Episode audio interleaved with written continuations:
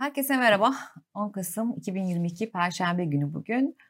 Ee, konuğumuza hoş geldin demeden önce e, Ulu Önder Mustafa Kemal Atatürk'ün ölümünün 84. yılını e, saygı, şükran ve minnetle anıyoruz demek istiyorum.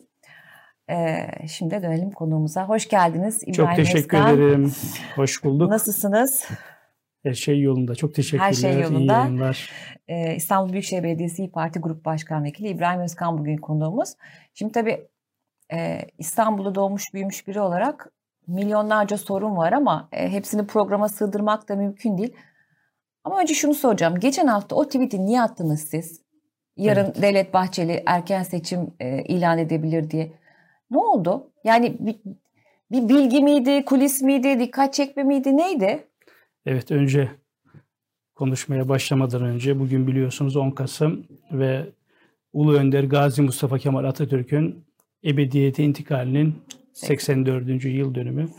Cumhuriyeti bizlere emanet ettiği için kendisini rahmet, minnet ve şükranla anarak sözlerime başlamak istiyorum. Ee, şöyle aslında e, tabii bir bilgiye dayalı, tabandan beklenen bir bilgi.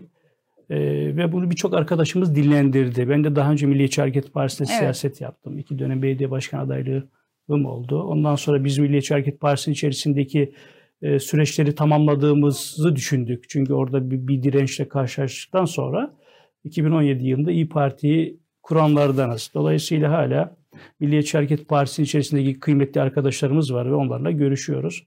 Ciddi tartışmalar olduğunu biliyoruz. Çünkü e, Milliyetçi Hareket Partisi'nin tabanı e, adı üzerinde milliyetçi bir taban. Dolayısıyla e, daha önceki söylemlerinden dikkat ederseniz e, biz sürekli HDP ile bir arada olduğumuz söylendi. İşte kurulmuş olan Millet İttifakı'nın altı, e, altılı masanın bir ayağının HDP olduğu söylendi. Daha önce Sayın Bahçeli HDP ile görüşenler işte hem Cumhuriyet Halk Partisi için e, bu lafı söyledi ve Millet İttifakı'nda bizi de kısmen dahil ettiler ama bizim için o net bir duruşumuz olduğu için bu söylemin içerisinde hiçbir zaman olamadılar.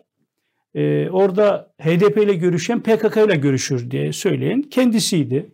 Ondan sonra baktık ki salı günkü toplantısında e, bu ilkelerin hiçbirinin aslında geçerli olmadığını gördük. Bu aslında birçok alanı rahatlattı birçok alanı rahatlattı. Artık bundan sonra Millet İttifakı'nı e, böyle karalamayacak, karalayamayacaklar. Dolayısıyla benim o tweet'i atmam açıklayabilir yönündeydi. Biliyorsun Sayın Bahçeli'nin enteresan böyle çıkışları var ama son dönemlerde e, biraz daha tabii ittifaka yakın duruyor. Beklenti o yöndeydi. E, kendi partisinin içerisindeki bazı arkadaşlar da bu beklenti vardı. Biz bunu bir gün önce konuştuğumuz arkadaşlar. E, maalesef beklediğimiz gibi çıkmadı ama e, özellikle İyi Parti çok rahatlattı e, bu söylemleri Sayın Bahçeli'nin. Peki e, MHP'de siyaset yapan e, eskiden tanınız, dostlarınız, arkadaşlarınız e, Bahçeli'nin bu açıklamalarına şaşırdı mı? Çok şaşırdılar. Yani Hatta birçok anlık e, bir şey, kimsenin haberi yoktu o zaman. Haberi yoktu tabii. Kimsenin haberi olmuyor genelde e, verilmiş olan bu kararlarda.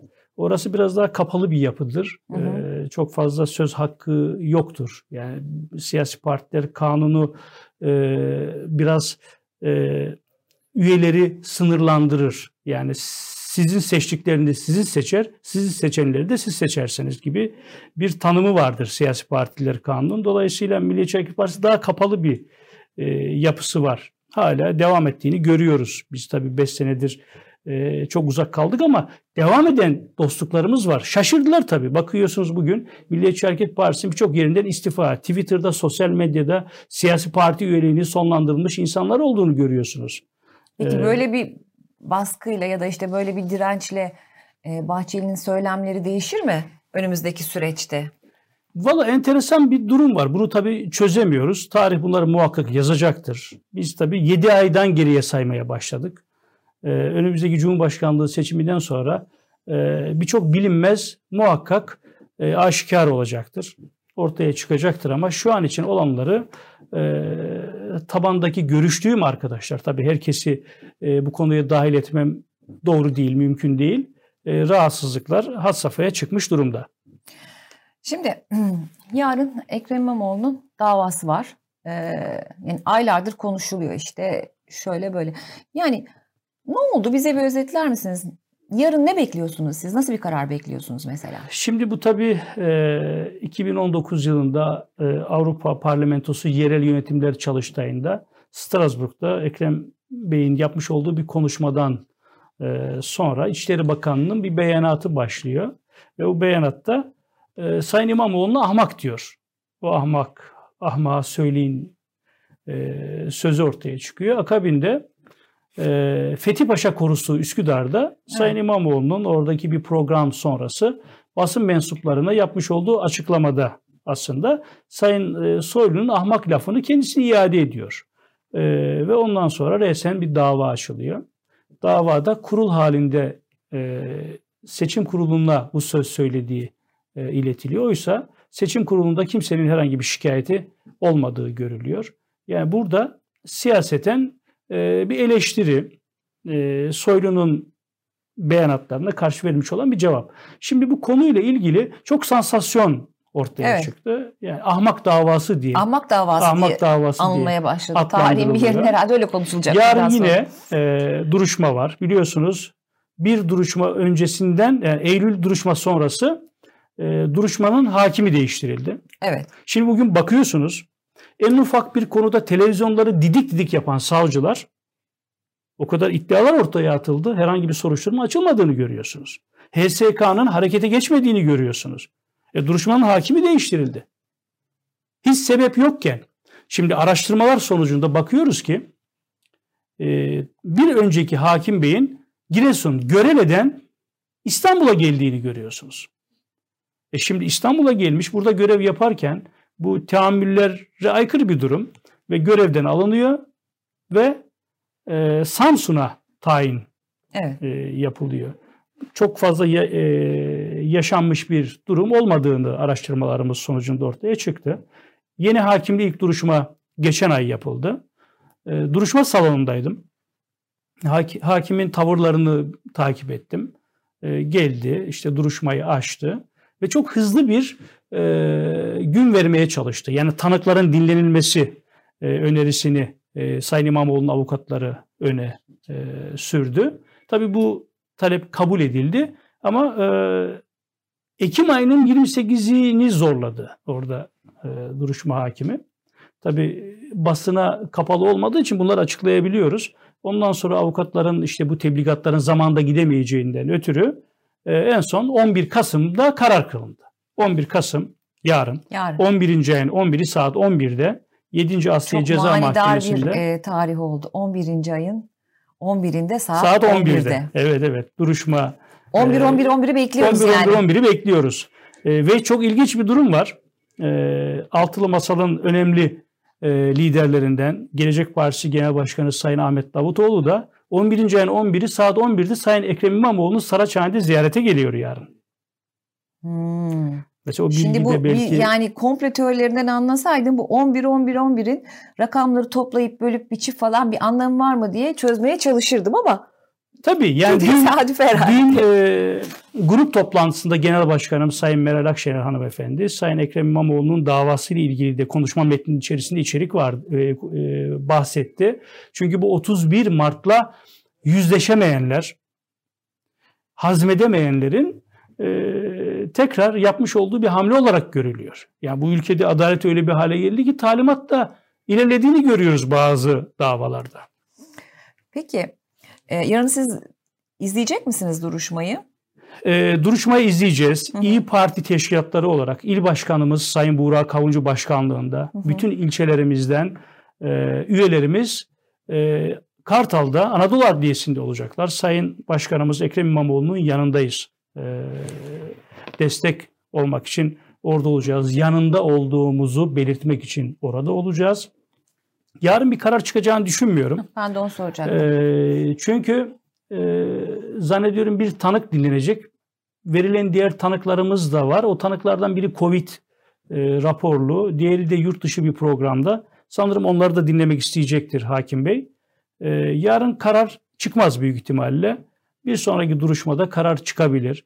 Burada tabii üst sınırdan e, Sayın İmamoğlu'na e, siyasi yasaklı hale getirilmesi kamuoyunda konuşuluyor. Çünkü Sayın İmamoğlu güçlü bir figür ve artık onu siyaseten e, köşeye sıkıştırma hamlesi olarak görüyorum ama siyasetinde ben yanlış olduğunu düşünüyorum. Çünkü Sayın Erdoğan mağduriyetle iktidar olmuş bir insan. Biliyorsunuz Siirt'te okumuş evet. olduğu bir şiir yüzünden e, bence de çok gereksizdi ve çok adaletsiz bir karardı. Hapse girerek e, bizim halkımız mağdurun hep yanındadır. O mağduriyeti tekrar geri dönecek olursak 31 Mart'ta 13 bin küsürlük e, farkı hazmedemeyip yetersiz görüp e, hani bu seçimi çevirebilir miyiz diye düşünenler biliyorsunuz seçim iptal edildikten sonra 23 Haziran'da 800 küsür bin fark yiyenler. Farklı. Bizim halkımızın bir feraseti var. Mağduriyet siyasette her zaman e, mağdur olana avantaj sağlar. Dolayısıyla e, bu tamamen e, siyasi bir dava olduğunu olduğuna ben kanaat getiriyorum ve birçok insan da bu şekilde kanaat getiriyor. Yarın için bir karar çıkacağını düşünmüyorum ama çok da düşük olsa bile bir ihtimal var. Karar çıkabilir. Nasıl bir karar bekliyorsunuz ee, mesela? Valla şöyle böyle yani hukuk diliyle ben hukukçu değilim ama hukukçularla konuşuyoruz. Bu konuyla ilgili bir dava açılması bile e, Türk hukuk sistemi açısından çok kötü bir durum. E bakıyorsunuz yaşıyorsunuz yani televizyonlarda bir konuşma yapıyor. Bir tweet atan insanlar aslında yatarı olmadığı halde insanlar tutuklanıyor. Yani tutuklanma gerekçeleri nedir? Delillerin karartılması olabilir. İşte kaçma olabilir. Bakıyorsunuz bu şüpheleri olmayan insanlar bile bugün Muaviye dönemi gibi e, ritüeliyle terbiye edilmeye dönemi gibi. Adalet er veya geç herkese lazım. Devletlerin dini adalettir. Ve bugün bakıyorsunuz adalete güven Ayetlerin mızrak uçlarına saplamayın. görüyorsunuz. Bakın Ülkede geçen cuma günü genel başkanımızın söylemiş olduğu bakın. Her şey çıkabilir. Bakara 155'te siyasi yasak çıkabilir. olsun ki sizi biraz korku ve açlıkla canlarda ve mallarla eksiltmesini icap. Yahu bu Türk milletinin e, hala da Cumhurbaşkanlığı adaylığı için ismi geçiyor. Evet. E, bir şekilde. Bunun e, önünü kesmek için olabilir mi? Yoksa İstanbul Büyükşehir Belediyesi'ne büyük bir farkla kazandığı için bir tür dediğiniz gibi siyasi bir dava mı? Hangisi? İkisi de olabilir. Gibi, İkisi de olabilir. Çünkü e, ist- ya belli bir yılın üzerinde bir yerde eğer iktidarsanız bakın 25 sene İstanbul'da iktidardı bu e, düşünsel yapı. E, 25 yılın üzerinden İstanbul'u sahiplenmiş bir yapı vardı. İstanbul'un kaybedilmesi ciddi anlamda sıkıntıya soktu iktidarı. Hatta Sayın Erdoğan'ın beyanatları var. İstanbul'u kaybeden Türkiye'yi kaybeder diye kendi evet. beyanatları var. Şimdi İstanbul'u kaybettiler. Burada şu olabilir. Sayın İmamoğlu'na siyasi yasak vererek bilmiyorum Cumhurbaşkanlığı adaylığı durumu tabii ona karar verecek olan e, Millet İttifakı'dır. 2024'te yeniden belediye başkan adaylığını engellemeye yönelik olabilir. Hı hı. Yönelik olabilir. E, fakat Cumhurbaşkanlığı seçiminde bilmiyorum yani Sayın İmamoğlu aday gösterilse bile ne kadar kaldı? 7 ay kadar bir zaman kaldı. Yani bu karar duruşmasından sonra bunun istinafı ve Yargıtay'ın sürecinin o kadar süreye e, yetişmesi normal ritüelde mümkün değil. Fakat eğer talimatla e, bir dava olduğuna inanmak istemiyoruz ki öyle gibi gözüküyor her şey beklenebilir. Yani Çok hızlanabilir, adalet hızlı bir hale gelebilir. Bir, e, dava olduğunu düşünüyorsunuz. Ben öyle düşünüyorum. Ve birçok kişi de böyle düşünüyor. Yani bu 31 Mart'ın hesaplaşması. Çünkü Sayın İmamoğlu e, belki de mevcut iktidarı üç kere yenen tek adam. Herkes iki kere diyor ama üç kere. Bir kere de Beylikdüzü Belediyesi'ni AK Parti'den almış Sayın İmamoğlu. Hı hı. Onu insanlar e, unuttular. Unuttular tabii. Unuttular. 2014'te Sayın İmamoğlu Beylikdüzü Belediyesi'ni AK Parti'den aldı. Rekor oyla aldı. Ondan sonra İstanbul'da 31 Mart ve 23 Haziran derseniz 3-0 önde diye söyleyebiliriz. Sayın İmamoğlu 3 kere. Maç 3-0 önde şu anda. 3-0 önde. Ee, daha duruşmanın e, gidişatına göre değişebilir skor diyorsunuz. Değişebilir. değişebilir skor. Peki Ekrem İmamoğlu iyi bir belediye başkanı mı sizce? Bence çok iyi bir belediye başkanı. Öyle mi? Ben Niye? yakın bir çalışma arkadaşıyım. Şöyle ki Eleştiriler e, de çok var çünkü hani onları konuşuruz Yani şöyle da. bu ülkede %90 medya bir e, yerde. Bugün bakıyorsunuz iktidar kanadının eleştirdiği iki tane konu var. İşte efendim otobüsler arızalanıyor. Çok büyük bir siyasi risk aldı Sayın İmamoğlu. Bakın daha önce mavi renkli, turuncu renkli, e, ne bileyim mor renkli, affedersiniz işte sarı renkli otobüsler vardı. Hı hı. Şimdi bunların hepsini tek renk haline getirdi Sayın İmamoğlu. Eskisi gibi yolcu kapış kapış durumu yok. Kilometre başına bir ödeme yapılıyor özel halk otobüslerine. Fakat o kadar e, engelleniyor ki e, özellikle ulaşımda. Şöyle ki basit bir örnek vereyim. 300 tane yeni otobüs almak için İstanbul Büyükşehir Belediye Meclisi'nde yaklaşık iki buçuk sene olduğunu tahmin ettiğim bir sürede oy birliğiyle geçmiş olan bir borçlanma yetkisi var 90 milyon euro. Bakın bu kadar zaman geçti hala imzalanmadı biliyor musunuz? 300 yeni otobüs alınacak. Ne yaptı İstanbul Büyükşehir Belediyesi? Yine kendi kıt imkanlarıyla 160 yeni metrobüs aracını satın aldı. Ve çok daha avantajlı fiyatlara satın aldı.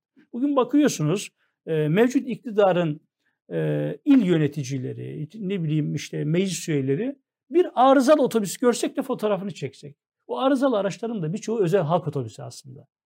Onların plakaları siyah değil. Yani dikkat edilmesi lazım. Kenarlarında ö- özel halk otobüsü sticker'ı vardır ama tek renk olduğu için hepsi sanki İETT'nin e, servis bakımını yaptığı araçlar olarak gözüküyor. Şimdi buradan bir e, inanılmaz derecede ulaşım e, yönünden sıkıştırmaya çalışıyor İstanbul Büyükşehir Belediyesi ama geçmiş dönem istatistiklerine göre arızalar daha az. Bunların verileri var. Hı hı. Ama tabii algıyı yönetmeye gayret ettikleri için bu işlerle uğraşıyorlar ama Sayın İmamoğlu'nu ulaşımdan vurmaya çalışıyorlar. Oysa bakın 2017 yılında Gülay Hanım Mevlid Uysal döneminde durdurulmuş olan 10 metroda start verdi Sayın İmamoğlu. İnanılmaz bir başarıdır bu. Ulaşımın çözümü e, metro ile olabilir. İstanbul dünyanın en büyük metropollerinden biri. Yani 16 milyon nüfus söyleniyor ama İstanbul'da 20 milyonun altında Belki nüfus kesinlikle yok kontrolsüz sığınmacılar mı ararsınız, göçmenler mi ararsınız? Hareketli bir nüfusu var. Türkiye'nin birçok vilayetine gelmiş olan insanların hareketli hali var. İstanbul'da 20 milyon insana her gün hizmet veriyor bu belediye. Bu hizmeti vermek zorundayız. Su hizmetini vermek zorundasın, gaz hizmetini vermek zorundasın, çöp yönetimini sağlamak zorundasın, ulaşımını sağlamak zorundasın. Deniz hatlarından, işte karayolundan, metrolardan İstanbul dünyanın en büyük metropollerinden biri. E buna rağmen, bu kadar engellemeler olmasına rağmen ee, İstanbul Büyükşehir Belediyesi'ne aksayan hiçbir şey yok. Yapılan ilave işler var. Bakın İstanbul Büyükşehir Belediyesi çocuklara, gençlere dokundu. İstanbul Büyükşehir Belediyesi kadınlara dokundu. İstanbul Büyükşehir Belediyesi öğrencilere dokundu. İstanbul Büyükşehir Belediyesi'nin tarihinden beri bir öğrencilik yurdu yok. Olmamış. Bunlar hep bir cemaat ve vakıflara e, kanalize edilmiş. E, iki gün önce Sayın Başkan bir televizyon programında açıkladı. Evet. Yani en son Kiptaş'ın yapmış olduğu mülkiyeti Kiptaş'a ait olan bir kısmı bedelsiz olarak bu vakıflara verilen yurtları alıp e, gençliğe vereceğiz. Üniversite öğrencilerine yurt yapacağız buraları diyor. Bakın dün de Kiptaş Genel Müdürü açıkladı. Yaklaşık 350 milyon Türk lirası Kiptaş'a maliyeti olan bu binaların ne kadar kiralıyor biliyor musun? 115 bin TL. Ya, komedi. Komedi. İşte bunlar hep bir rahatsızlık veriyor. Yani İstanbul'un kaybedilmesi, işte bu kendi e, vakıfların ve cemaatlerin yurtlarını işte ellerinden almaya gayret etmesi. Bunlar e, gariban, dar gelirli, Anadolu'dan üniversite okumaya gelmiş çocukların olması gereken yerler ama bir kısım yerlere hep kanalize edilmiş. İstanbul Büyükşehir Belediyesi bunlara dokundu. Çocuklarda e, süt dağıtımı yapılıyor. Çiftçiye dokundu. Bugün bakın kırsal mahalleleri var İstanbul'un. Silivri'de var, Çatalca'da var, Şile'de var, Beykoz'da var. E buralarda e, tohum dağıtımı yapıldı, fide dağıtımı yapıldı. E, üretilmiş olan buğdayların satın alınması yapıldı. Bakın oradan almış olduğumuz buğdaylarla biz halk ekmek üretiyoruz. Bugün 7,5 lira konuşulan ekmek hala İstanbul Büyükşehir Belediyesi halk ekmekte 3 liraya satılıyor. Bakın şimdi bu 7,5 lira olursa Güley Hanım sözünüzü kestim halk ekmek önünde inanılmaz kuyruklar oluşacak. İnsanlar artık zaten oluyor ama ben gıdaya, görüyorum halk ekmeğin önünde her zaman hani olur. Talep ee, kuyruk ama daha da artacağını e, öngörüyoruz. Ona da hazırlığımız var. Peki Ekrem İmamoğlu e, sizce iyi bir belediye başkanı? İyi yani. bir belediye başkanı. Çok çalışkan bir belediye başkanı. Hı. Mesai mefhumu yok. Çok erken başlayıp çok geç saatlere kadar görevinin başında olan bir belediye başkanı. Sizce ee, iyi bir cumhurbaşkanı da olur mu İbrahim Bey? Yani yönetim stratejisini beğeniyorum ben hı Sayın İmamoğlu'nun. Tabii e, İstanbul Büyükşehir e, Belediye Başkanlığı yaptı biliyorsunuz Sayın e, Cumhurbaşkanımız. E, İstanbul Büyükşehir Belediyesi Başkanlığından sonra Başbakan oldu, Cumhurbaşkanlığı oldu. Yani bu ülkede e, Sayın İmamoğlu çok rahatlıkla yapabileceğine kanaat getiriyorum. İyi Gönlünüzden iyi bir geçer mi böyle var. bir şey? Yani tabii bu burada ben bir kanaat belirtme çok doğru olmaz yani ama güçlü bir figürdür. Bakın güçlü bir figürdür, korkulan bir figür, figürdür. Yani İmamoğlu e, güçlü bir figür. Yani Türk siyasetinde bundan sonra da e, olabilecek bir e, figürdür. Yani kolay bir e, lokma değil. Sayın Kılıçdaroğlu'nun e, Evet, öyle söylediği söyledi. e, yani kolay yutulacak bir lokma değildir. Mücadelecidir. Yani o seçim gecesini hatırlayın. Yani birileri adam kazandı deyip evinde otururken Sayın İmamoğlu e, bir sistem adamı. Ben size söyleyeyim ben o dönem ilçe başkanıydım. Hı hı. Saat 9'da ben 700 küsür sandıkta kaç oy aldığımızı biliyordum. Ve bunlar hep iletişim merkezine gönderildi. il başkanlıklarımıza gönderildi. Saat 9'da aldığı oyu biliyordu başkan. Yarım saatte bir çıktı bilgilendirme yaptı. Evet. O Ben dedi kimsenin oldu. hakkını yemem. Kimseye de hakkımı yedirtmem. İşte bizim vatandaşımız bu e, duruşu seviyor. Yani Sayın Başkan'ın e, o Cumhurbaşkanlığı adaylığı meselesi bilmiyorum. Ben Cumhurbaşkanı adayı e, değilim diyor. Sonuçta altılı masa bu konuda karar verecek ama güçlü bir figür olduğunu söyleyebilirim. Peki.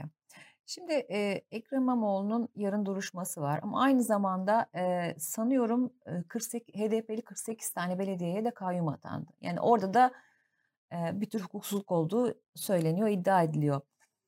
Siz hani HDP'yi eleştiren figürlerden birisiniz. Evet. Bu kayyum atamalarını nasıl değerlendiriyorsunuz? Şöyle söyleyeyim ben size. bir adaylığınız var. Meclis üyesi, belediye başkan adaylığı. Onlardan evvel sizden bir takım belgeler isterler.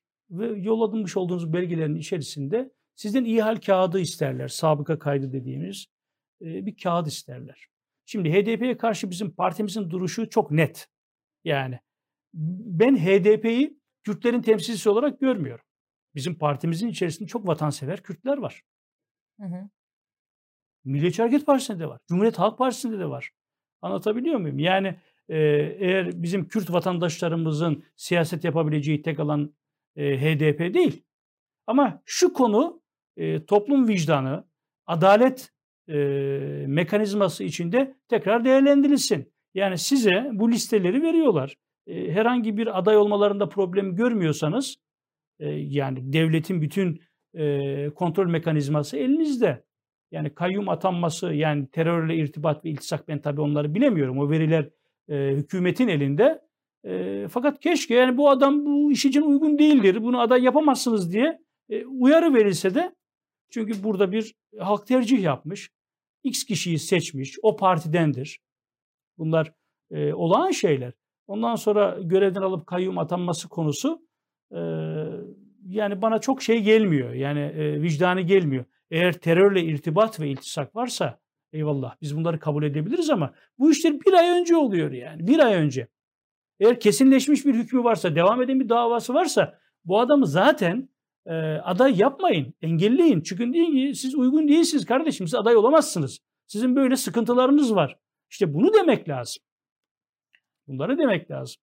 Peki, e, Beyaz Masa'ya gelen şikayetler bir önceki döneme göre daha mı az? Yani öyle bir istatistik tutuyor musunuz? Tabii Ee, 153 beyaz masa Evet. e, mekanizması e, çok güzel işliyor. Yani gelen şikayetler çok enteresan şikayetler var. Yani çevre şikayetleri gelebiliyor. Ne bileyim e, o kadar komşusuyla kavga etmiş vatandaş bile şikayetçi oluyor. Hı hı.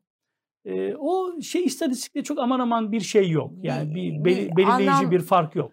Ne peki İstanbul'un şu anda önemli, tamam e, bir sürü yeni yer açılıyor, eski yapılar dönüştürülüyor, 150 günde 150 proje, bir sürü proje yapılıyor. Ama tabii İstanbul çok büyük bir şehir Çok. dediğiniz gibi. Küçük bir ülke hatta yani şehir değil bir ülke. Ee, gerçekten çok fazla sorun var. Bunları çözmek de çok zor. Sizce en büyük sorunu ne İstanbul'un? Yani çok İlk fazla üçe ne girer? en büyük problemi deprem. Hı hı. kapıda bekleyen bir deprem problemi var. Bu problemin acilen yani İstanbul Büyükşehir Belediyesi'nin tek başına yapabileceği bir konu değil. Yani burada merkezi idarenin de bir tavrı oluşmalı. Bu siyaset üstü bir konu. En büyük problemi İstanbul'un deprem. Ulaşım büyük bir problem İstanbul'da. Bir yerden bir yere gidemiyorsunuz. Evet. Bu da metrolar yavaş yavaş açılıyor Gülay Hanım. Ee, bu Aralık sonu itibariyle Bostancı Dudullu hattımızı devreye alıyoruz. Sancaktepe Sultanbeyli bir, belli bir seviyeye geldi. yoğun bir şekilde devam ediyor metro hatları. Muhakkak bu toplu ulaşımın yer altına inmesi gerekiyor. Başka türlü bu trafik sorunu çözülmez Çözmek çok yani. zor. Yani çözmek çok zor. Çünkü her gün yeni trafiğe araçlar çıkıyor. Yeni yollar yapılıyor. Yeni yolların yapılması trafiğin daha da artmasını aslında paradoks ama e, Bir paradoks dediğiniz evet. gibi. Yani e, yan dallardan gelen bütün yollar bir merkezde birleşince e, yani bir şişe reaksiyonu gösteriyor. Yani şişenin dibi geniş fakat ön tarafı da dar, daralıyor. E, bugün mesela 10 Kasım e, yurttaşlarımızın birçoğu 10 Kasım'da yol kenarında arabasını durup saygı duruşunda bulundu. Bunlar çok güzel şeyler. Onun bile trafiğe etkisi oluyor. Yani tabii e, iki saatte açılamıyor trafik. tabii. E, bu ve benzeri e, birçok konu var ama İstanbul'un en büyük problemlerinden e, ilk sıraya koyarsak deprem büyük bir problem. Ne durumdayız Ulaşım. orada? Yani depreme hazır olmadığımızı biliyoruz. Evet. Evet. Hazır değiliz. Peki ne yapıyorsunuz? Yani te- şey e, somut olarak şu ana kadar neler yapıldı İstanbul depremine karşı, olası İstanbul depremine Sayın karşı? İmamoğlu'nun ilk yapmış olduğu çalışmalardan biri deprem e, çalıştayı. Onun sonuç bildirileri yayınlandı. E, depremle e, binaların yenilenmesi konusu İstanbul Büyükşehir Belediyesi'nin tek başına yapabileceği bir konu değil. Vatandaşa da çok büyük sorumluluk düşüyor. Mesela bir binayı yenileyeceksiniz. Şimdi sürekli Kiptaş Genel Müdürümüz açıklama yapı- yapıyor. Çok yoğun da müracaat al- e, alıyoruz. İstanbul yenileniyor.com isimli bir web sayfamız var. Yani bizim yapı grubumuz dediğimiz e, iştirak şirketlerinin oluşturduğu bir e, platform orası. Kiptaş Genel Müdürü Başkanlığını e, yürütüyor. Şimdi bir binayı yenilemeye çalışıyorsunuz. Bir vatandaş orada e, razı gelmeyince süreç tıkanıyor. Evet. Çok zor. Yani burada buralara muhakkak kanunlu bir düzenleme e, yapılması lazım veya belli bir oran toplanınca o oran o oranı biraz daha aşağı çekmek lazım. E, binaları yenileme vatandaşın da burada gayret göstermesi lazım. Yani vatandaş e, aza kanaat getirmiyor. Bizde böyle bir Aza problem kanaat var. getirmiyor ama şu da var. Zaman zaman da işte yani işi yapacak olan müteahhit e, kira ödemesi yapmıyor ya da işte e, mülk sahiplerinin bir şekilde para vermesi gerekiyor ama şimdi bir tane evi olan emekli birini düşünün. E, kentsel dönüşüme girmesi gerekiyorsa o evin o parayı nasıl ödesin?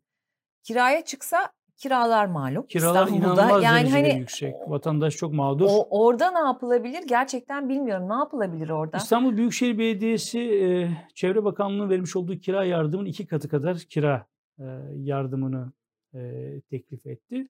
Bu da yeterli değil. Hı hı. Bu da yeterli değil. E, maalesef bir keşmekeş yani bu konuya ciddi anlamda e, müdahale edilmesi lazım ve İstanbul'un yenilenmesi lazım. Çok büyük bir tahribat olacak. Çok büyük can kaybımız olacak. E, Tahmini sayın- nedir rakamlar? O simülasyonlar yapılıyor diye biliyorum. Yani hani olası bir e, işte 7 şiddetinde diyelim bir depremde binlerce insanın hayatını kaybedeceği söyleniyor. Yani bir rakam 300 sabit bin- verip de yani genelde e, şey 300 bine yakın bir binanın yıkılacağına dair bir hani ortalama bir şey söyleniyor ama tabii korkunç bir şey yani. Hani riskli 300 bin civarı e, bina olduğunu İstanbul Büyükşehir Belediyesi tespit etti. İstanbul Büyükşehir Belediyesi'nin e, binaların hasar durumunu tespit e- eden bir ekibi var. Fakat vatandaş burada şu konudan da korkuyor. Şimdi bina sakat. Binanın içerisinde sorumluluk alan bir e, sakin oturuyor. hı hı. böyle bir müracaat yapalım diyor. Eğer o müracaatı yaptıktan sonra bina oturulamaz raporu verilirse o binada oturamıyorsunuz. Şimdi vatandaş diyor ki biz ne yapacağız? Çıkacağız yeni bir bina bulabilecek miyiz? Bu kiraların altından kalkabilecek miyiz? Aslında hepsinin temeli ekonomiye dayalı. Yani ekonominin kötü olması, vatandaşın gelirinin giderini karşılayamaması bu süreçlerin önünü tıkayan sebeplerden bir tanesi. Bir de inşaat yapım maliyetleri korkunç bir şekilde arttı. Birçok projeyi şimdi Sayın Cumhurbaşkanı biliyorsunuz bir tasfiye genelgesi yayınlandı. Yani kamuya Evet. iş yapan müteahhitlerin isterlerse işlerini fesih Ama o da yapabilecekleri. pek çok koşula bağlı. Yani öyle kolay tasfiye edemiyorsunuz yaptığınız işleri de, kamuya yapılan işleri de. Öyle değil mi? Ya Yani bir- bu kuralları tabii ki var ama e, çok da zor e, şartlar değil.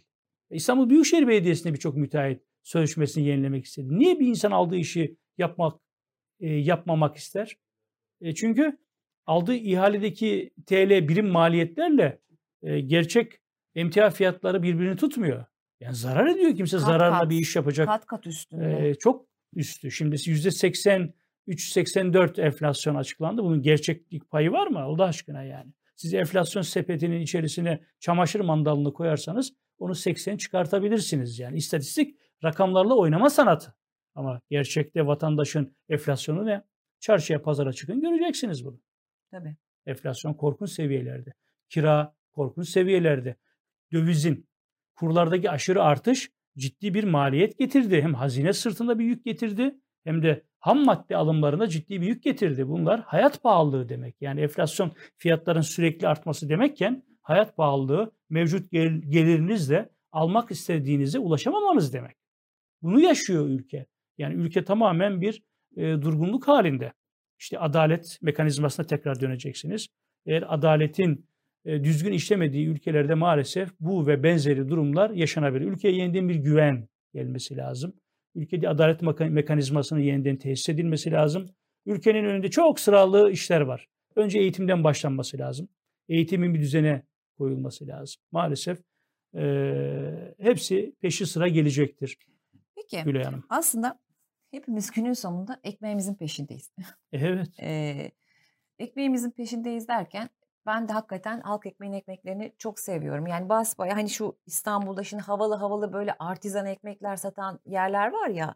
Bence halk ekmekte gerçekten ürün çeşitliliğiyle Steril ve çok, çok kaliteli. çok başarılı, çok kaliteli. e, iyi. El değmeden üretilen Şimdi ekmekler. bir, bir, bir tanesi 3 lira olarak kalacak mı bu? Bunu birçok insan merak ediyor. E, çünkü hani işte ne bileyim 3-5 haneli bir evde eve alınan ekmek sayısı tahmin ediyorsunuz 2-3 günde 2-3 ekmek alınıyor.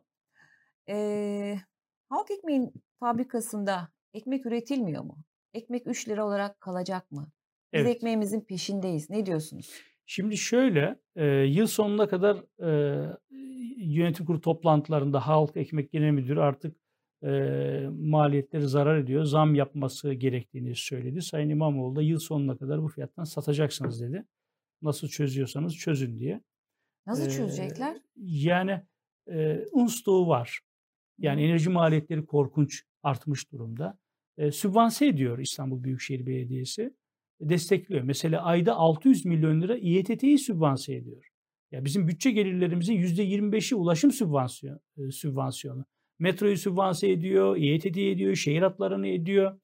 Dolayısıyla halkın bu dönemde bu ekonomik krizin içerisinde rahat bir şekilde nefes alabilmesi için özellikle dar gelirli grubun o somun ekmek dediğimiz 3 liralık ekmeğe ulaşabilmesi için yıl sonuna kadar herhangi bir zam yapılmayacağı konusu e, çok net. Yıl sonundan sonra, yıl başından sonra tekrar muhakkak bir değerlendirilecektir. Yani e, enerji maliyetleri, işte un maliyetleri ne aşamaya geldiğini çok iyi bilmiyorum ama çok net bildiğim bir konu.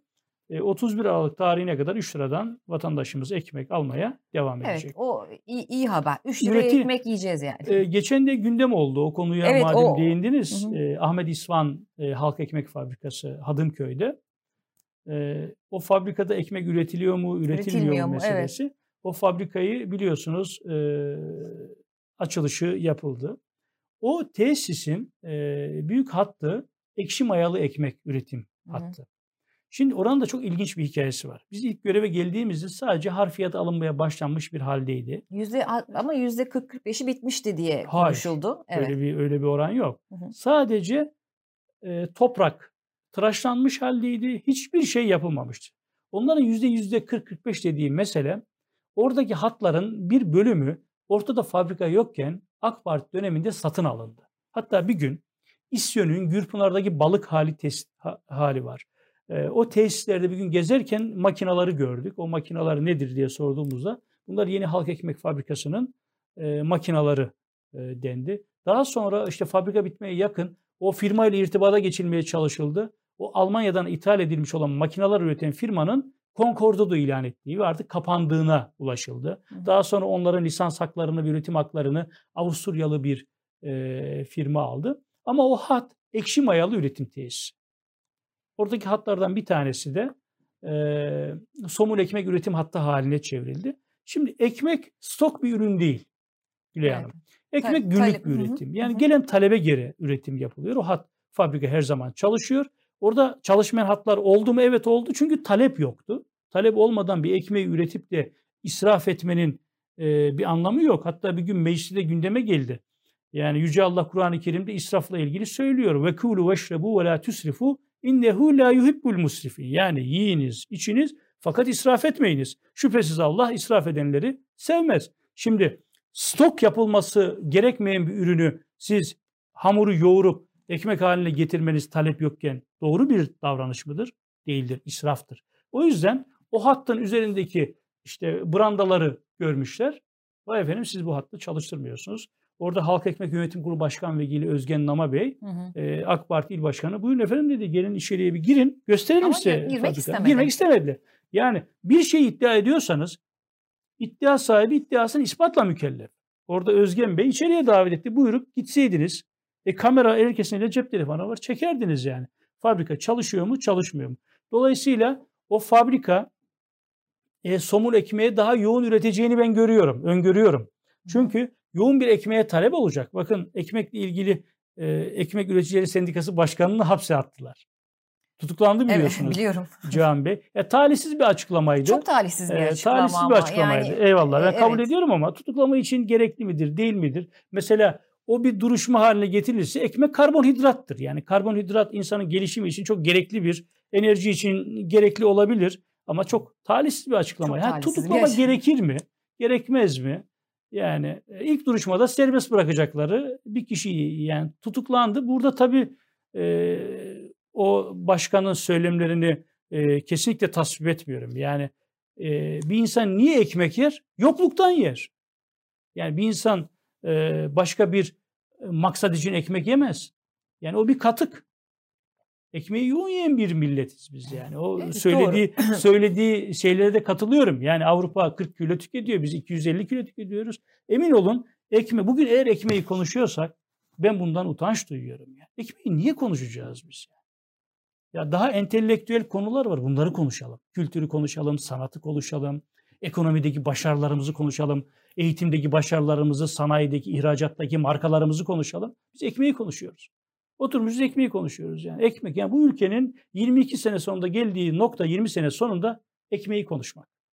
Ekmek aslanın ağzında ekmek. Ekmek, ekmek, ekmek aslanın ekmek ağzında hani falan değil Gülay Hanım. Şey, ekmek artık aslanın midesinde. midesinde de değil.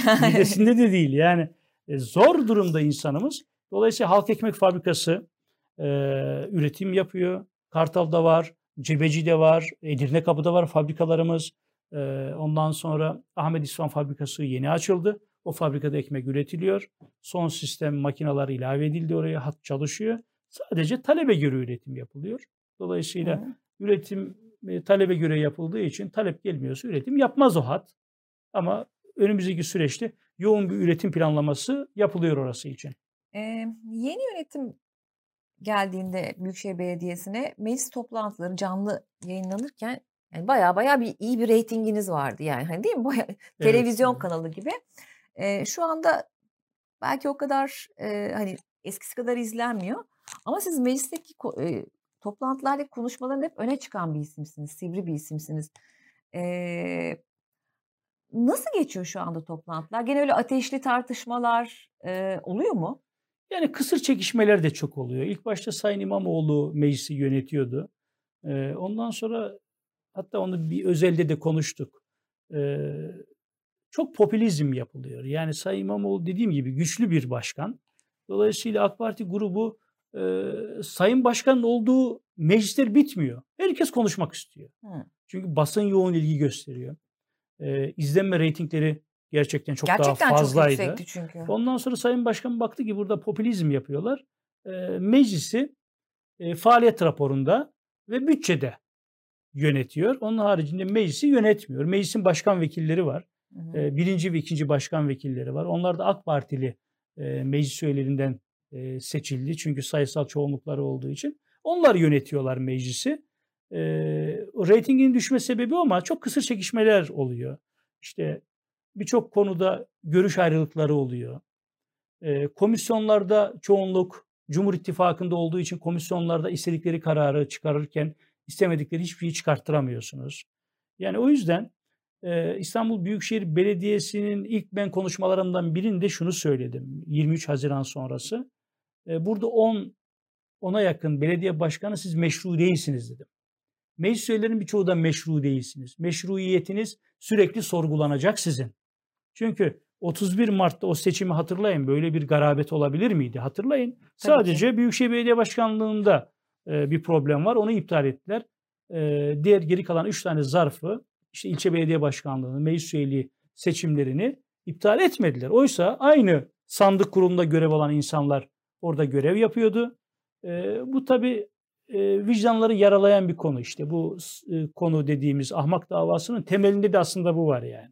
Hı hı. E, ahmak meselesinin. O yüzden İstanbul Büyükşehir Belediye Meclisi Türkiye'nin en büyük ikinci meclisi. E, biz de Sayın İmamoğlu bizim de başkanımız. 16 milyon İstanbul'un olduğu gibi siyasi olarak e, benim Sayın Genel Başkanım Meral Akşener hanımefendi İstanbul'u iki kere turladı. Sayın evet, İmamoğlu o istedi. Sayın İmamoğlu'nu da hani gördüğümüz, hissettiğimiz kadarıyla çok seviyor. Evet, evet, evet. Yani ve başarılı buluyor. E, başarılı buluyor. Bir abla kardeş İlişkileri var, var mı? Bir abla kardeş. E, saygıda hiç kusur etmez Hı-hı. Sayın Başkan. Sık görüşüyorlar mı? Yani tabii çok yoğun programlar ama benim gördüğüm kadarıyla 2-3 ayda bir e, en son ziyarete geldi biliyorsunuz hı hı. E, Sayın Akşener. 3 sene üzerine ilk defa geldi e, Sayın Akşener e, Sayın İmamoğlu belediyede ziyarete geldi. Yani özellikle görüşüp görüşmediklerini bilmiyorum ama muhakkak ama sık görüşüyorlar. gördüğüm kadarıyla bir abla kardeş evet, evet. ilişkileri var Yani diyorsunuz. gayet şeydir yani e, Sayın Başkan e, yaşça küçüktür. Tabii orada bir kamu görevi görüyor. Her türlü desteği veriyoruz. Ben de Büyükşehir Belediye Meclisi'nde biraz sivri dediğiniz konu evet. aslında ben gerçekleri anlatıyorum. Hatta o konularla alakalı bir de kitap yazdım ben. Biliyorum, ee, biliyorum. Sözün Meclisten içerik kitabı. İçeri. Üçüncü baskısı e, bitti. O meclisteki diyalogları anlattık. O kadar Hı. enteresan işler oldu ki. Meclisin ilk günü Gülay Hanım oturduk. İstiklal Marşı, saygı duruşu. İlk söz aldı AK Parti Grup Başkan Vekili. Biz dedi bir teklif getiriyoruz dediler. Şimdi gündemi başkan belirler ama meclis üyeleri isterlerse gündeme ek teklif e, ilave edebilirler. Başkan onu oylar. E, oylama sonucu ne olacağını tahmin ediyorsunuz. Çünkü Cumhur İttifakı fazla. Onlar el kaldırıyorlar. Kabul ediliyor gündeme ek teklif maddesi. İlk dedikleri konu bakın 23 ihtisas komisyonu var. Bu 23 ihtisas komisyonu yıllardır 9 kişiden oluşurdu. Bu sefer onun teklifini verdiler ve 8 kişi olmasını istiyoruz dediler. 9 kişi olsaydı 5 Cumhur İttifakı, 4 Millet İttifakı olacaktı. 8'i indirdiler. Bu sefer 5 Cumhur İttifakı, 3 Millet İttifakı oldu. Hani yarın gün konjonktür değişir. Bir tane meclis üyesi e, işte ne bileyim Millet İttifakı'na giderse sıkıntı yaşamayalım düşüncesi bu. Yani oradan bize anladım ki eyvah bizim işimiz burada o kadar kolay değil. Ama mecliste Sayın Başkan icraatlarını, e, ülkede yaşanan sıkıntıları, ben biraz konuşmamın birçok bölümünü ülke e, sıkıntılarına evet, genelde, ayırıyorum. E, o konuda bir genel siyaset üzerinden oluşuyor. de konuşuyorsunuz. Ben evet. şunu söylüyorum yani ülkede ne olacak ki İstanbul halkı bunu yaşamayacak. Yaşıyoruz. Dolayısıyla ülkenin temel problemleri İstanbul'un da problemidir ve bunların gündeme getirilmesi gerekiyor. Ee, geçmiş dönemde televizyondan canlı yayınlanmadığı için tamamen kapalı oturum içerisinde geçen e, diyaloglar artık halkın e, huzuruna çıkartıldı. Bence de çok iyi oldu. Şeffaf yönetim, e, hesap verilebilirlik bunlar önemli detaylar. Sayın İmamoğlu e, bu durumu e, söylüyor. Bakın mesela dün İKİPTAŞ Genel Müdürümüz Ali Kurt Bey şunu söyledi. Yahu dedi 350 milyon lira masraf etmişiz. 115 bin lira kira alıyoruz. Bedelsiz yerler verilmiş. Bu konuyu soruşturuyoruz diye. Biz diyor teftiş geçiriyoruz. Bunu niye soruşturuyorsunuz diye. Ülkenin geldiği hal bu. Maalesef. O yüzden ülke bu durumdan e, kurtulacak. Demokrasi tekrar kazanacak. İnşallah ülkemiz yeniden fabrika ayarlarına dönecek. Gayretimiz, mücadelemiz bu. Peki. Ben e, soracak gerçekten çok fazla soru var ama güncel bir sorun daha var. E, çok da medyada sadece e, belli başlı medya organlarında tartışılıyor. Göktürk'teki hikaye. Ne oluyor orada? Yani ciddi hala devam ediyor. Yani insanlar orada oturanlar baya baya sosyal medya üzerinden çok ciddi bir e, yayın yapıyorlar. Ne oldu orada? Şimdi ya maalesef ülkede e, TOKİ proje yapıyor. Çevre Bakanlığı yapıyor. İlçe belediyeleri planları yapar, büyükşehir onaylar yapıyor. O kadar yetki karmaşası var ki. Oranın temeli medyatik biliyorsunuz. Bir e, grup, e, ismini söylemeyeyim. Ya, Ziraat Bankası'na sor, sorun dem, yok. Yani ya, her kamuoyuna mal olmuş, herkes mal. Olmuş Demirören şey, grubu e, borçlarına karşılık burayı Ziraat Bankası'na veriyor. Evet. Ziraat Bankası e, borçlarına karşılık alıyor. Sonra orası e, Çevre Bakanlığı marifetiyle imara açılıyor. E, Büyükşehir Belediyesi müdahil oluyor. E, planların iptali için yürütmeyi durdurma kararı alınıyor. Hı hı. Yürütmeyi durdurma kararına rağmen bugün bakıyorsunuz orada çalışıyor. Yani onu boş verin o bir alan ya bugün iktidara yakın olan birçok yerde maalesef polis marifetiyle koruma sağlanıyor. Ve bu kabul edilebilir bir durum değil. Bu ülke bir hukuk devleti. Kimse kusura bakmasın. Marmaris'te bir inşaat grubunun iptal edilmiş olan biliyorsunuz koyda yapmış olduğu bir otele bile giremiyoruz gazeteciler. Hı hı. E, yürütmeyi durdurma olmasına rağmen e, çalışıyorlar, inşaat yapıyorlar. E ne olacak burada şimdi? Müdahale edemiyorsunuz. E, dolayısıyla e, Göktürk'teki mesele böyle bir mesele. Yani vicdanları yaralayan bir e, mesele. Ama yapacak bir şey yok diyorsunuz. Hani yar, e, Yargıdan yürü- başka durdurma kararı yani biz- olmasına rağmen e, yapacak hiçbir şey. Y- durdu. Ya en e, yargıdan başka neye güveneceğiz? Yargı 500 tane falan konut yapılacak diye biliyorum orada. orası golf sahaları. Golf Onlar, sahaları e, artı yeşil hani alanlar, acil durumlardaki toplanma, toplanma alanları. alanları olarak e, düşünebilirsiniz. E, maalesef buralara bina yapılacak, inşaat yapılacak. İstanbul'un, ülkemizin ciğerleri harap ediliyor. Ve bunu buna kimler göz yumuyor? Biz İstanbul'a ihanet ettik diyen bir genel başkanın partisi ve hükümeti bu duruma sebep oluyor. Bu kabul edilebilir bir durum değil ki. Yargı bir karar vermiş, yürütmeyi durdurmuşum. Getirin bakayım kardeşim evraklarınızı. Bu dava açalım. Yani ne olacak, ne edilecek burada ama bakıyorsunuz temelinde bir grubun borçlarına karşılık Ziraat Bankası'na vermiş olduğu arsa daha sonra değerlendiriliyor. Yani imarı olmayan bir alana imar çıkartılıyor. Bu dönemin zenginleşme sebeplerinden en büyüğü de budur. İmar rantı. Yani bir tarlaya gider satın alırlar. Daha evvelden oranın işte ne bileyim üzerinden yol mu geçecek, e, ne yapılacak planlardan haberleri olurlar. Gider o yeri alır. E Kanal İstanbul'da aynısı. Millet tarlaları topladı orada. Kanal İstanbul yapılacak. 1'e 50 e, fiyata satacak düşüncesi. Aynı durumu yaşıyoruz. Bu halk, e, bu kötü yöneticilerin, e, bu kötü tüccarların borçlarını ödemek zorunda değil. Peki şimdi ben e, aslında süremiz bitti ama şunu da sormak istiyorum. Biraz da kendim için de sormak istiyorum. Biz taksi bulamıyoruz. Evet. E, ama ben taksicilere hep soruyorum. Her bindiğim taksiye soruyorum. Taksi yeterli mi diyorum. İkiye ayrılmış durumda onlardan. Bir kısmı diyor ki hayır taksi sayısı yeterli ama işte trafikte biz bir yerden bir yere gidemiyoruz. E, o yüzden de hani taksiler genelde dolu oluyor. Bir tarafta diyor ki işte e, evet İstanbul'daki taksi sayısı çok az. Ne yapacaksınız bu işi? Şimdi bu taksi meselesi e, kanayan bir yara. Taksiyi ne ben bulabiliyorum, ne siz bulabiliyorsunuz, ne bizi ekranları başında izleyen İstanbullular bulamıyor. İstanbul'daki taksi sayısı çok yetersiz. 18 bin civarında taksi var İstanbul'da. Bin kişiye bir taksi düşüyor. Hı hı. Gelişmiş metropollerde bu sayılar 300'ler seviyesinde. Yani aşağı yukarı iki katı Dan fazla. Daha yani fazla olması İstanbul'da. İstanbul'da 25-30 yıldır yeni taksi verilmemiş. Şimdi Sayın İmamoğlu bu da engellemelerin bir altıdır. Bakın Gülay Hanım.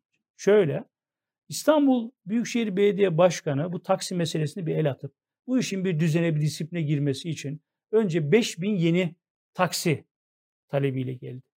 Ve İstanbul'da UKM'nin yapısı değiştirildi. Bunlara karar veren bir kurul var. Ulaşım Koordinasyon Merkezi. Hı hı.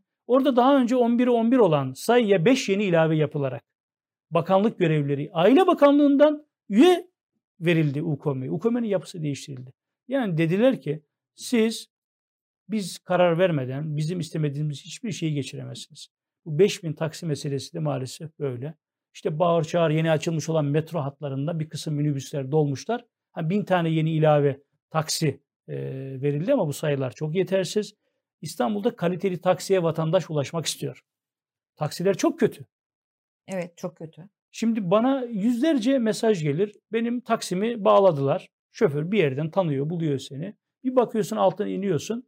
Yolcuyu almamış. Geçen Oo, geçen neler görüyoruz. çok komik bir durum. Nere, şurası diyorsunuz ben oraya gitmiyorum Gitmem diyor. diyor. Ben hayır Ben ben, oraya ben bilmem nereye diyor. gidiyorum diyor. Yani birine ben şahit oldum. Ataşehir'de e, bir marketin önünde şahit oldum. Gözlerimle şahit oldum. Bir arkadaşım gün görene geçecekti. Taksi almadı onu. Maalesef. Yani bunu yaşadığımız konu ama şu taksi meselesi ülkenin İstanbul'umuzun kanayan yarasıdır. Bu durumu da engelleyen mevcut iktidar. Şu an için ama ona çok fazla yapacak bir şey yok gibi ben Şu an anlıyorum. yapacak Yani bir şey yok çünkü krizi- UKM'den karar çıkmıyor. Hı hı. UKM'den karar çıksa keşke yeni taksiler sefere alınabilse daha kaliteli, daha e, düzgün taksiler. Çünkü taksiler turizme açılan ilk pencerelerimiz. Geçen e, Twitter'da bir tweet okudum. E, inanılmaz zekice bir atılmış tweetti. E, hanımefendinin biri Uber'den taksi çağırıyor. Biliyorsun Evet. bizim sarı taksiler de Uber hizmeti veriyor. Uber'den taksi çağırırken e, Türk olduğu için dakikalarca bekliyor. Gelmiyor taksi e, bakıyor iptal ediyor e, Uber sisteminden. Arapça ismini yapıyor vatandaş. tabii. Hmm, iyi İki dakika sonra valla bilmiyorum.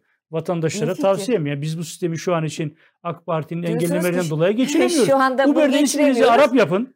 Ha, tamam. İsminizi Arap yapın, böylelikle. Basın geliyor. Geliyor. Tamam, ondan sonra biliyorsunuz. ya bu. Ben bunu uygulayacağım. Kesinlikle yapın. Ben bunu Ve iki dakika sonra taksi geldi ve bindim diyor. E, anlayınca ne yapmış acaba taksici? Yani o, o detayı vermedi ama bana çok yaratıcı geldi. E, böyle enteresan çözümler buluyor vatandaş. Kesinlikle Uber kaydınızı Arapça harflerle yazın, bir Arap ismi koyun, basın. O zaman taksici iptal etmiyor. Ya Çok üzücü zekice. durumlar. Niye daha önce aklıma gelmedi Yani acaba? çok üzücü bu durumlar. Yani İstanbul'umuz adına, ülkemiz adına üzülüyoruz. Tabii yani bunları böyle konuşuyor olmak bile çok Çok. tuhaf. Taksi olmadığı için ismimi Ama bana Arapça çok yapacağım. yaratıcı geldi yani. Ha, yaratıcı olduğu kesin.